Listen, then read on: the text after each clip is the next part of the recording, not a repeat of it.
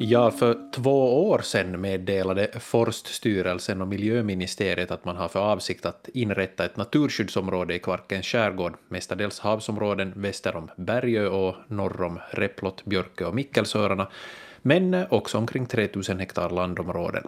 Planerna mötte då stort motstånd, inte bara bland allmänheten utan också i kommunerna och landskapet. Coronapandemin satte de här planerna på paus, men nu genomförs planerna på naturskyddsområdet och kritiken verkar inte ha bedarrat.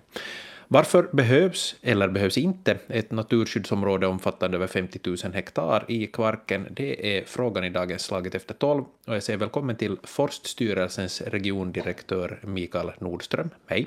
Hej. Riksdagsledamot Joakim Strand från SFP. Hejsan. Hejsan. Och eh, verksamhetsledaren för natur och miljö, Camilla Söderholm. Välkommen. Hej. Jag heter eh, Filip Sten. Eh, ja, Mikael Nordström, i vilket skede är de här planen för ett naturskyddsområde i Kvarken nu? Vad har hänt på två år?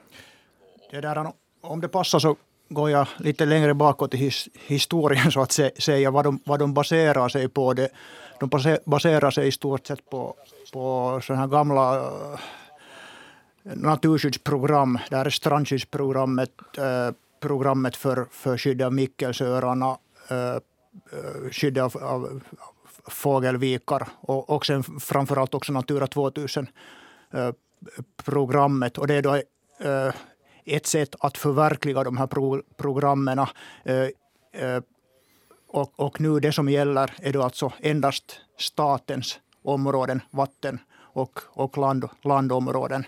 Det, det bör också poängteras. Och det som nu har hänt under den, den senaste tiden är då det att, att, att det där alltså, som ett, ett led i den här förberedelsen så har vi då haft sådana här hörande tillfällen eh, i kommunerna. Eh, vi har hört tidigare olika användargrupper, intressegrupper, men nu har vi också hört, hört allmänheten. Och nu fortsätter då den här förberedelsen på det sättet att Forststyrelsen eh, förser uppgifter, data, fungerar som tekniskt stöd och, och miljöministeriet ansvarar för den här vad ska vi säga, juridiska delen och, och innehållet i förordningen. Och, och, det här är ju ändå en förordning när det är ett så här stort naturskyddsområde så beslutet kommer då att göras av statsrådet i sinom tid.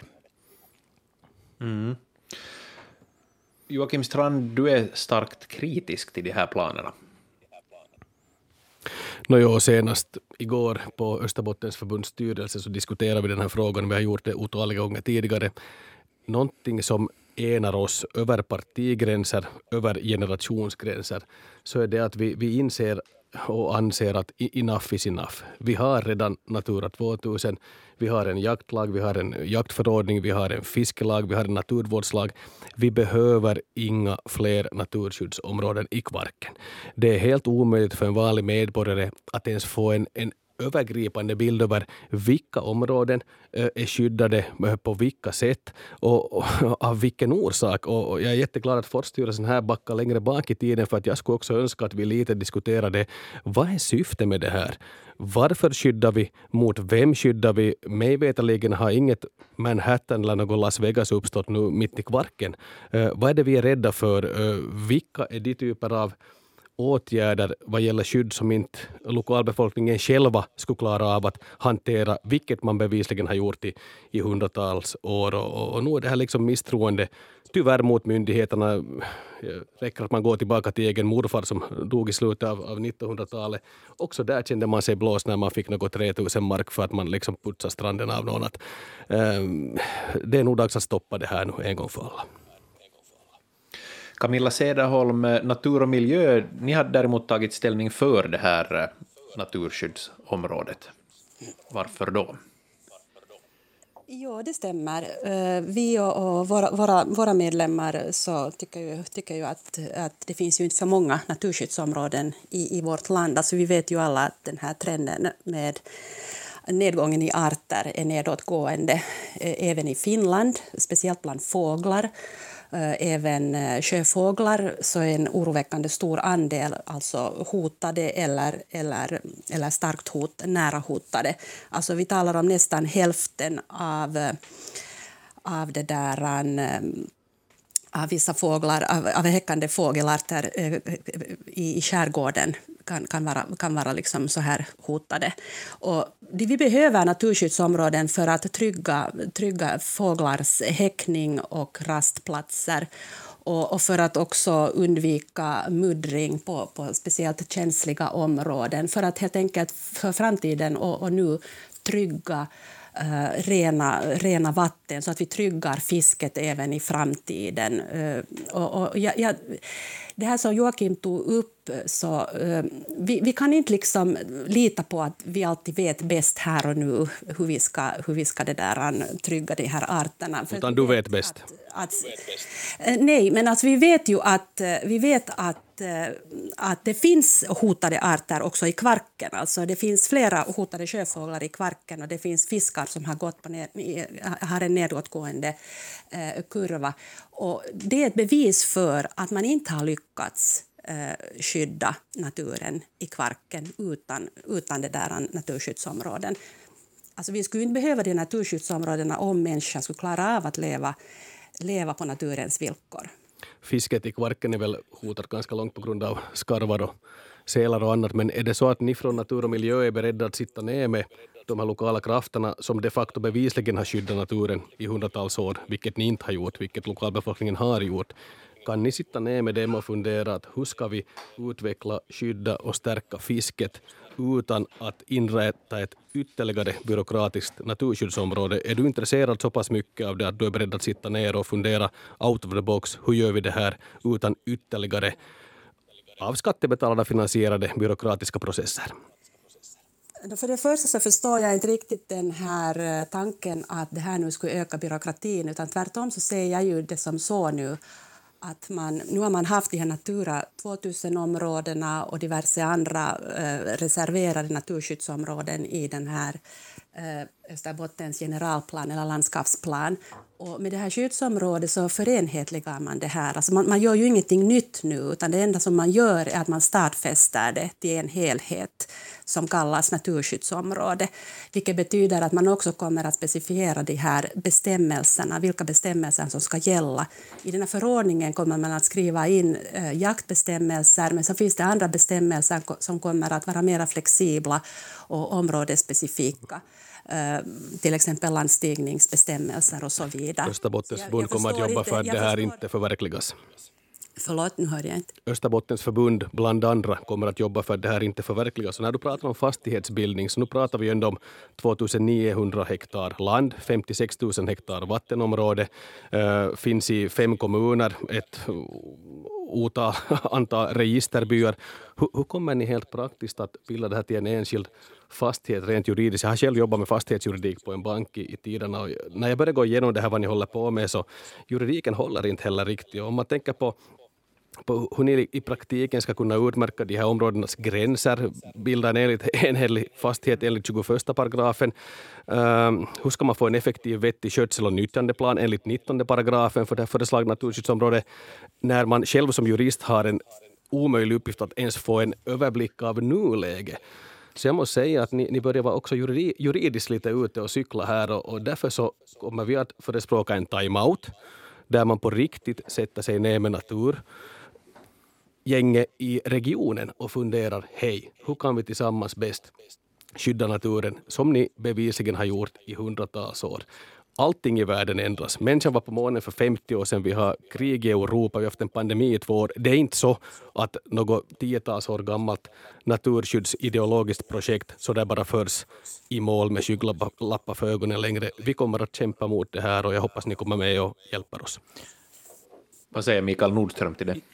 Ja, tack. tack det där. Jag kan kommentera här.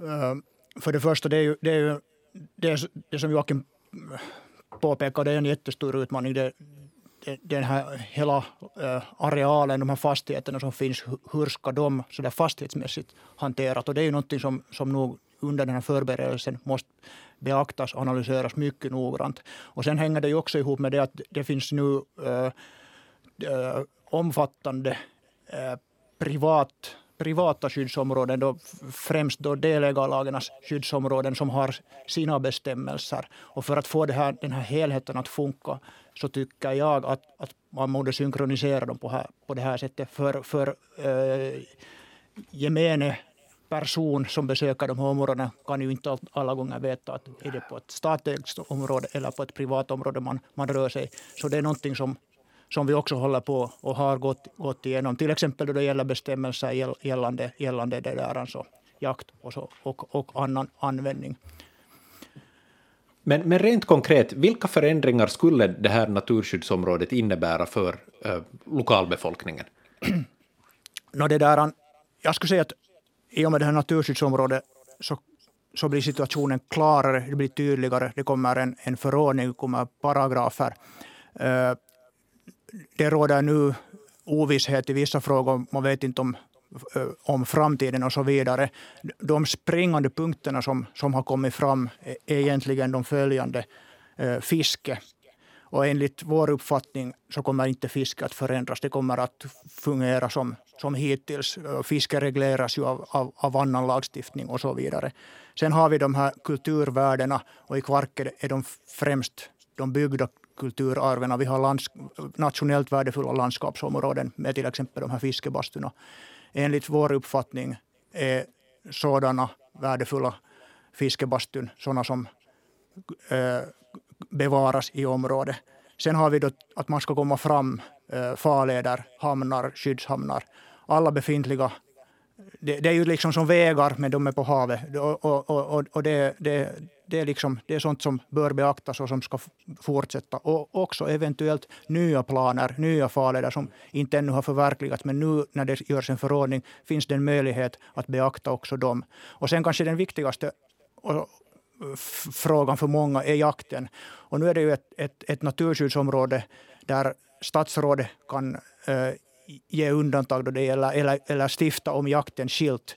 Och, och det där, nu talar vi om ett, ett ytterst stort område där jakten är viktig, dels för rekreation men också som en del av egentligen kulturtraditionen.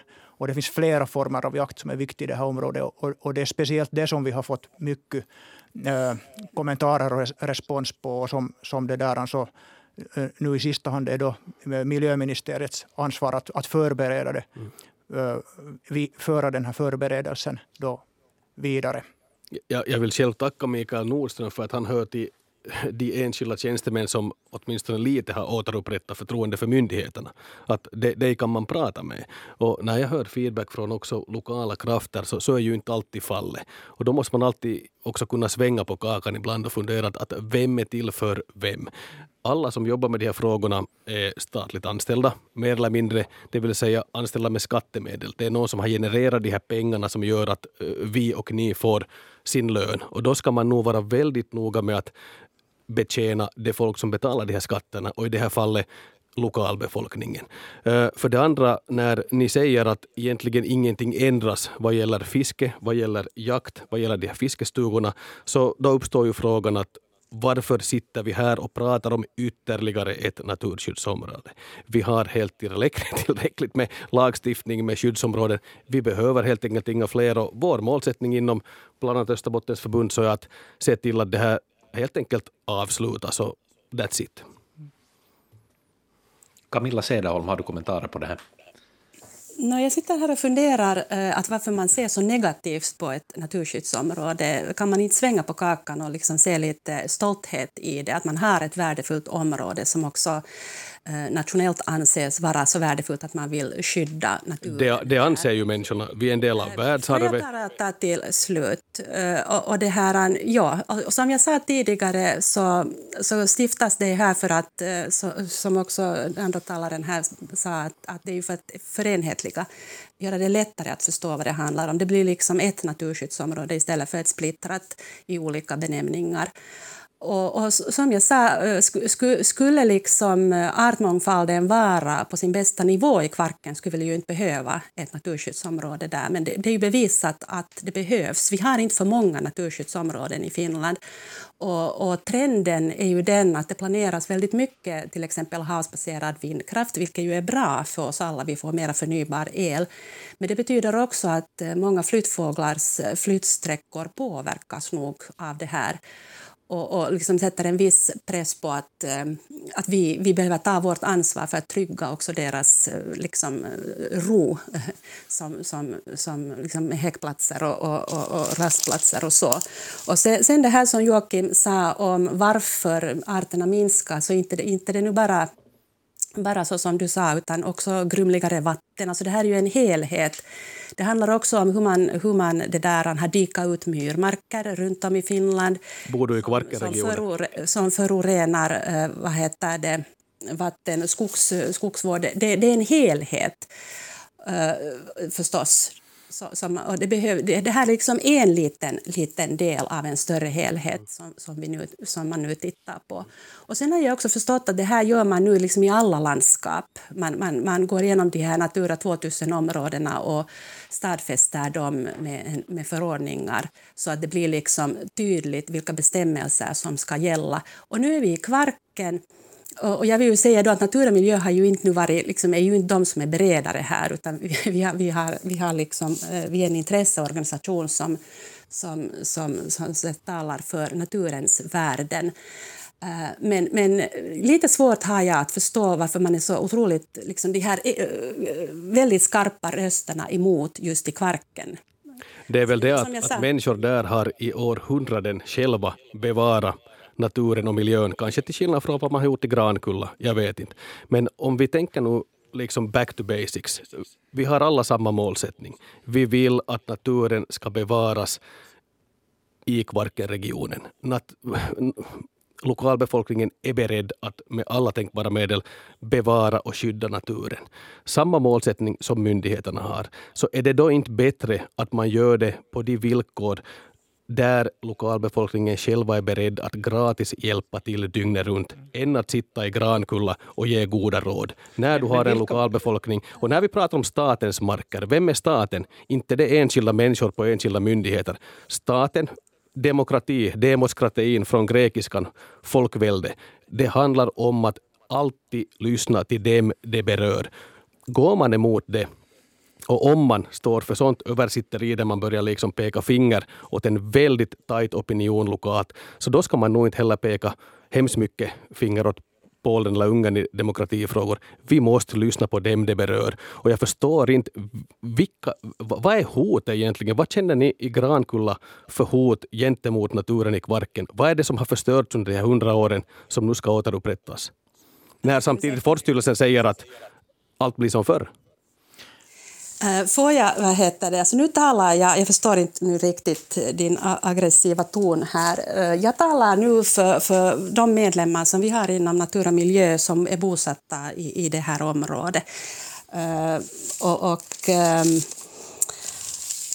som sagt, alltså jag talar ju på en allmän nivå. Jag talar inte om att just Kvarkenborna inte skulle liksom ha skött om sin miljö, utan det här gäller ju precis oss alla i hela världen. Alltså vi har en nedåtgående trend gällande biologisk mångfald som är verkligen kritisk.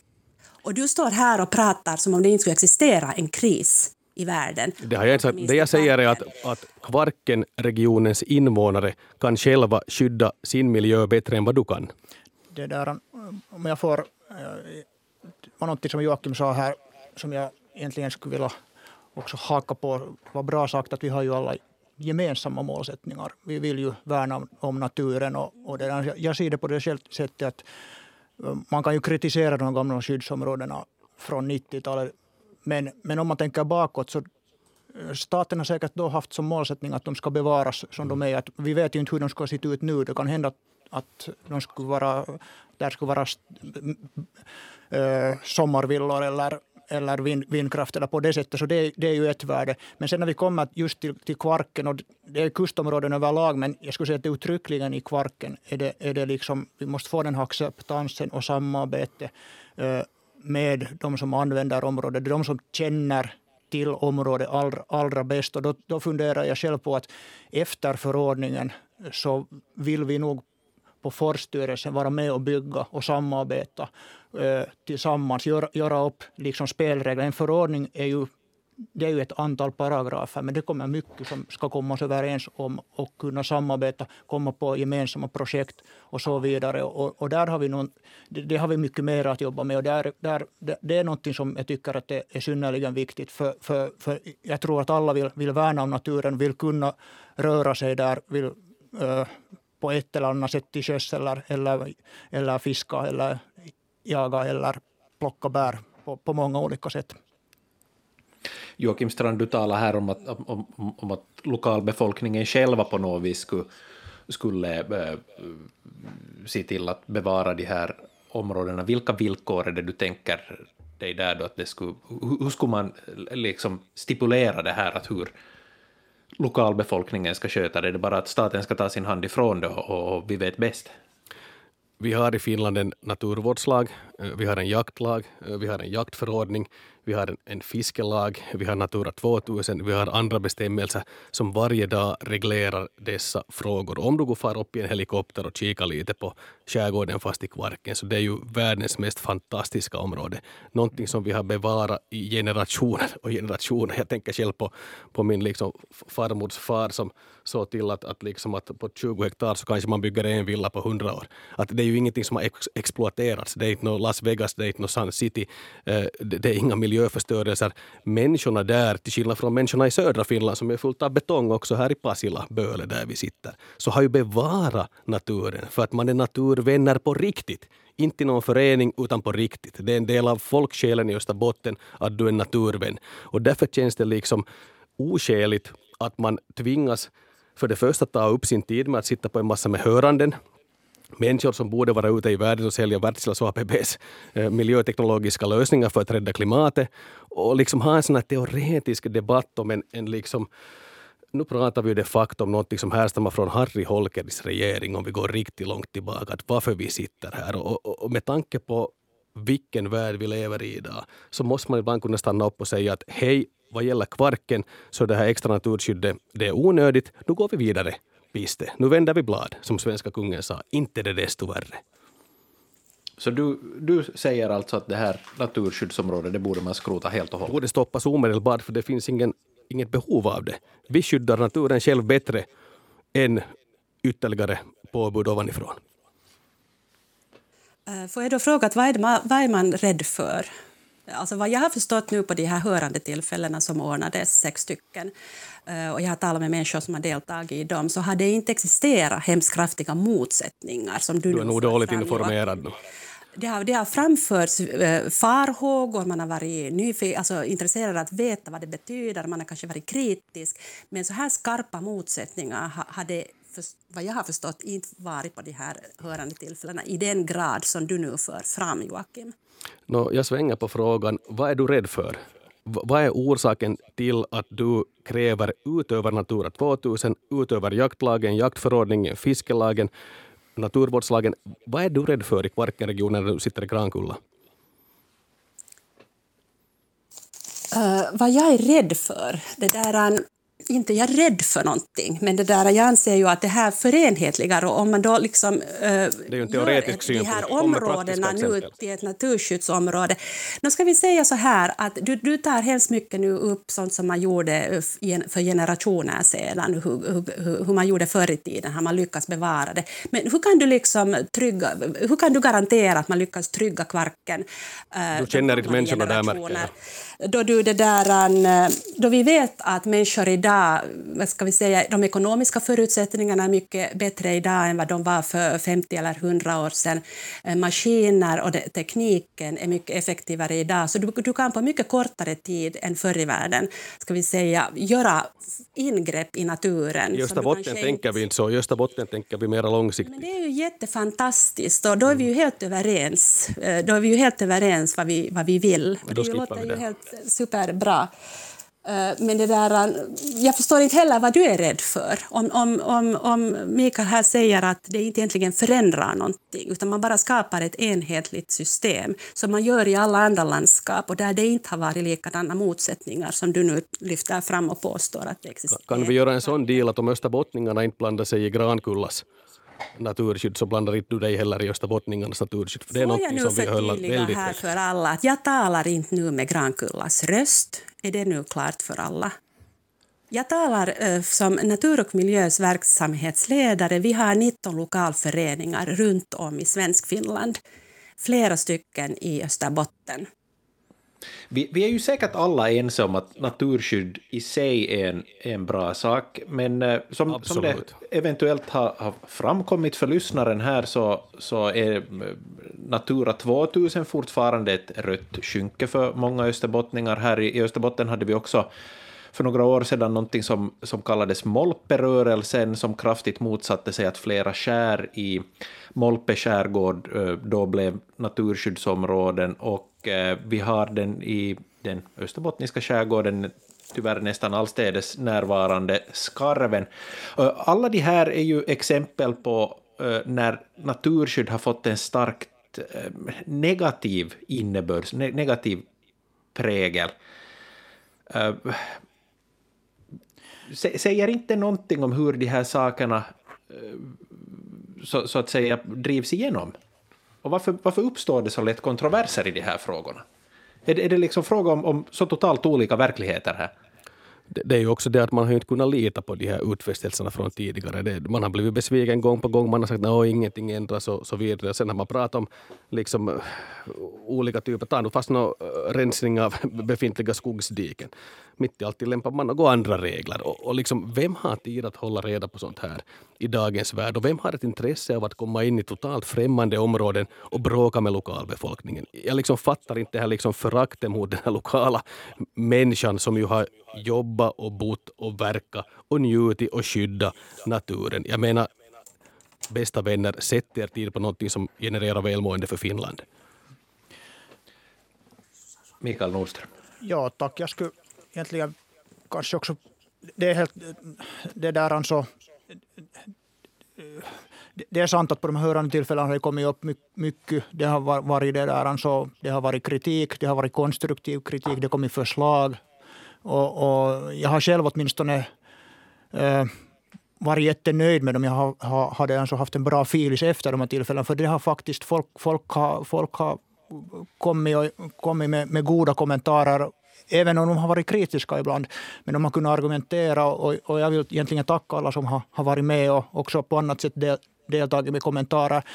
Eh, sen förstås är det många frågor som är, för, är utanför den här förordningen just med, med med skarvar och, och, och det där alltså vargar och örnar och sånt här. Och det är också sant och det, det framkom också. Och, och, och, det, och det är förstås som Joakim säkert hänvisar på, att vi har så mycket, ett, ett mycket brett reglement, äh, regelverk och, och, det är inte alla gånger hemskt lätt att det är alltså för det första hänga med äh, vad det betyder och, och sen också att få en förändring eh, på, på de här. Att det, det, är liksom, det är många saker i luften samtidigt. Sen skulle jag kanske vilja vända på det ännu på det sättet att jag, jag hoppas att man på sikt, eller man, man är förstås redan, redan, redan nu det där, alltså, eh, stolt över sin närmiljö, men, men, men, men hoppeligen blir det också Eh, en, en attraktionsfaktor för hela Vasaregionen. Jag menar, det, det utvecklas nu på den gröna infran där. Eh, på, på många sätt är det stora investeringar på gång. Men, men naturskyddsområde och naturskydd. Vi har andra naturskyddsområden, vi har världsarvet där. Det allt bidrar till att hela, hela området är lockande. Det är lockande för folk som funderar på att kanske flytta dit eller, eller, eller på många sätt vill, vill komma och besöka området. Så att, så att, eh, jag, jag tror själv att, att det på sikt kommer att ha, ha ha ännu mer positiva effekter än vad det har nu, men, men vi måste jobba vi måste kavla upp ärmarna och jobba och, och göra det tillsammans. Här, här, jag, jag håller helt med Mikael till den här delen, för att när vi nu lockar batterifabriker och investeringar i cleantech och annat som ju bidrar till att stävja klimatförändringen globalt via teknologiska utvecklingar. Så när man ska ha global talents, liksom människor som är världsbäst inom sitt område att flytta och bo och verka i en region, så det att vi har till exempel Kvarkens världsnaturarv. Det är något som vi alltid håller framme på. Slide number one när vi visar så vi har liksom Unesco World Heritage. Vi är jättestolta över världen. Vi är stolta över nat vår natur. Vi vill bevara den, skydda den. Men vi behöver inte utöver nuvarande reglemente något hemskt mycket mera goda råd från Helsingfors i det här fallet faktiskt inte, utan, utan vi klarar oss med nuvarande regler för vår målsättning är densamma. Och, och därför hoppas jag bara att man skulle ibland ha lite spelöga och säga att hej, nu går vi vidare. Vi vänder blad. Nästa projekt. Ja, ja. Okej, får jag fråga, jag förstår fortfarande inte, vad, vad, vad är du rädd för att ska hända? För jag håller ju helt med att det är ett fantastiskt område och ni är, liksom, ni är Nordens största uh, kluster för cleantech och e-, energilösningar och ni har hundratals nationaliteter som jobbar inom det här. Liksom, det är ju ett enormt liksom, plus för hela regionen att ni har den fantastiska naturen. Så vad är du rädd för att händer? Den här tiden som vi nu har spenderat också i den här diskussionen så ska kunna användas betydligt mer produktivt.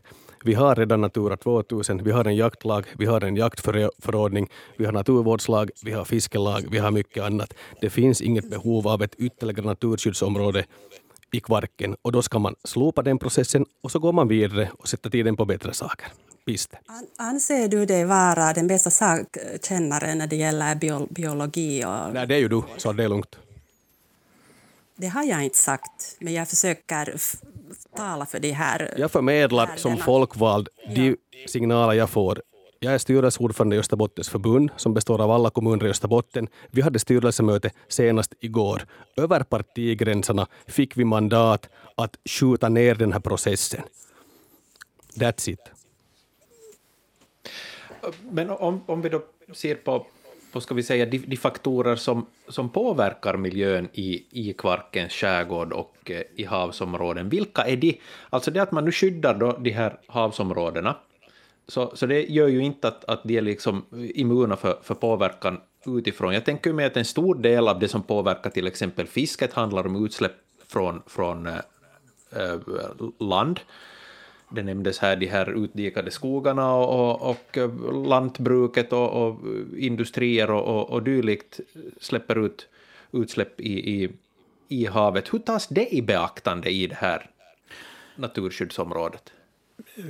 Ja, om jag, ja det där som kommenterar på det, det, det är helt sant, sant, sant som du säger att, att att det är, en, det är en helhet och det påverkar speciellt på havet. Så det, finns inga gräns, det finns inga gränser. Det som händer på tillrinningsområdet påverkar havet. Det som händer på andra håll eh, längs med kusten kan påverka med strömmar. Det som man, eh, så det, det, det, men det finns förstås det finns, eh, olika planer och, och, och sånt för att, för att beakta till exempel vattenskyddet då, i tillrinningsområdena i, i Österbotten och så vidare. Eh, men det som naturskyddsområde eller, eller område i sig eh, eh kan skydda och bevara är då eh, de eh, helt enkelt fysiska eh, bottnarna, biotoperna som finns under, under vattnet. De flador, glosjöar som är viktiga för, för undervattensmiljön och framförallt fiskens lekplatser. Och sen är vi förstås inne också på det att då ska man också aktivt förbättra. Man kan iståndsätta lekplatser. Man kan, och, framförallt i Kvarken, om vi går på land, så är det ytterst viktigt att, att vi också i fortsättningen har resurser att vårda, sköta, iståndsätta de där biotoperna. För de är ju människoberoende. Många gånger de också. Där är hedar, strandängar och så vidare. Eh, så det, där, um, det är också viktigt. Mm, kommentarer på det, Camilla Cederholm? Nej, jag, jag, håller helt med att, att det, det, är liksom, det är en helhet och det är ju också liksom vatten, som sagt vattenmiljön som skyddas och bottnen framför allt. Och, och liksom det, det, är ju, det är ju sånt som kanske nu inte var och en så där alltid direkt tänker på men mm. det, därför är det bra att det finns områden där någon annan liksom har, det helhets, har en helhetssyn på saken och, och har bestämt att det här, här är ett extra känsligt område, att här ska vi inte liksom trå, använda trål och här ska vi inte muddra för att här behövs eh, det här glon för att den här eh, fisk, fiskarten behöver den här glon för, för, för sin eh, för, för fisklek, så att säga. Så att det, här, det här är sånt som jag inte tror att alla liksom sådär automatiskt tänker på att skydda om du liksom anförtror det till var och en av oss finländare. Jag skulle säga att väldigt få av oss är så pass insatta i, i de här frågorna att man på riktigt veta hur man, hur man skyddar miljön på sikt. Uh, lokalbefolkningen är nog väldigt insatt, ja. så jag är glad du medger att du inte är insatt, men lokalbefolkningen i Kvarken är insatt, så det är därför man ska låta den vara Då skulle vi ju inte ha de här enorma miljöproblemen. Har vi enorma miljöproblem i Kvarken? Vi har överallt i världen ett stort Men i Kvarken, när har du spenderat en vecka i Kvarken senast? Vi har nedgång i till exempel många fågel, sjöfågelarter. Till exempel eh, vad heter det, ejder, svärta, bergand, roskal, vigg, tobiskrissla är på nedåt. Alltså de är hotade. Alltså finns allt färre av dem. Har du forskning som bevisar att just det här skyddet för Kvarkenregionen nu så löser den saken? No, det kan knappast försämra den saken. Du har alltså inte forskning på den saken. Tack. Va, vår sändningstid börjar ta slut här nu, så nu skulle jag vilja eh, fråga, fråga er här att vad, vad händer nu, hur går det här vidare? Du, Joakim Strand, du har gjort klart här att, att du, du tänker arbeta för att skjuta ner de här eh, planerna, men, men vad, vad säger Mikael Nordström, vad, hur fortsätter den här processen nu? No, det där, ja, alltså vårt, vår uppgift eller mandat kommer ju då, det, det kommer från miljöministeriet och, och baserar sig då på de här besluten som, som statsrådet har, har gjort och vad som står i, i naturvårdslagen. Eh, det som vi kommer att nu vi kommer att eh, utarbeta då eh, gå igenom de kommentarer för det första som vi fick och göra en, ett, ett sammandrag av dem. Och, och, det kommer vi att sätta på våra, våra hemsidor och, och jag kommer att skicka dem också till Joakim. Och sen, sen kommer miljöministeriet att börja den här förberedelsen eh, säkert eh, rätt snart efter, efter sommaren. Eh, sen tänker vi också på det sättet att vi kommer att komma till Kvarken, hålla ett informationstillfälle, berätta hur har vi beaktat de åsikter vi har fått in, för det tycker vi att då är det en, en liksom, när vi har fått, vi har satt människors tid på att de har kommit på hörande tillfälle, vi måste komma och berätta hur har vi bemött, hur har vi beaktat. Och sen kommer ju då själva det här förordningen kommer att komma på, på officiellt på utlåtande och då kan vem som helst ge, ge utlåtande på det, ge sin åsikt och sen går det till statsrådet när, när allt är klart och det är kanske om ett år eller, eller så. Eh, att, att det är liksom vårt, att, att det som Joakim Strand syftar på är, är då, det är sen en annan process och, och det är då, vad ska vi säga, en politisk politisk process att vill, vill man liksom göra förändringar där.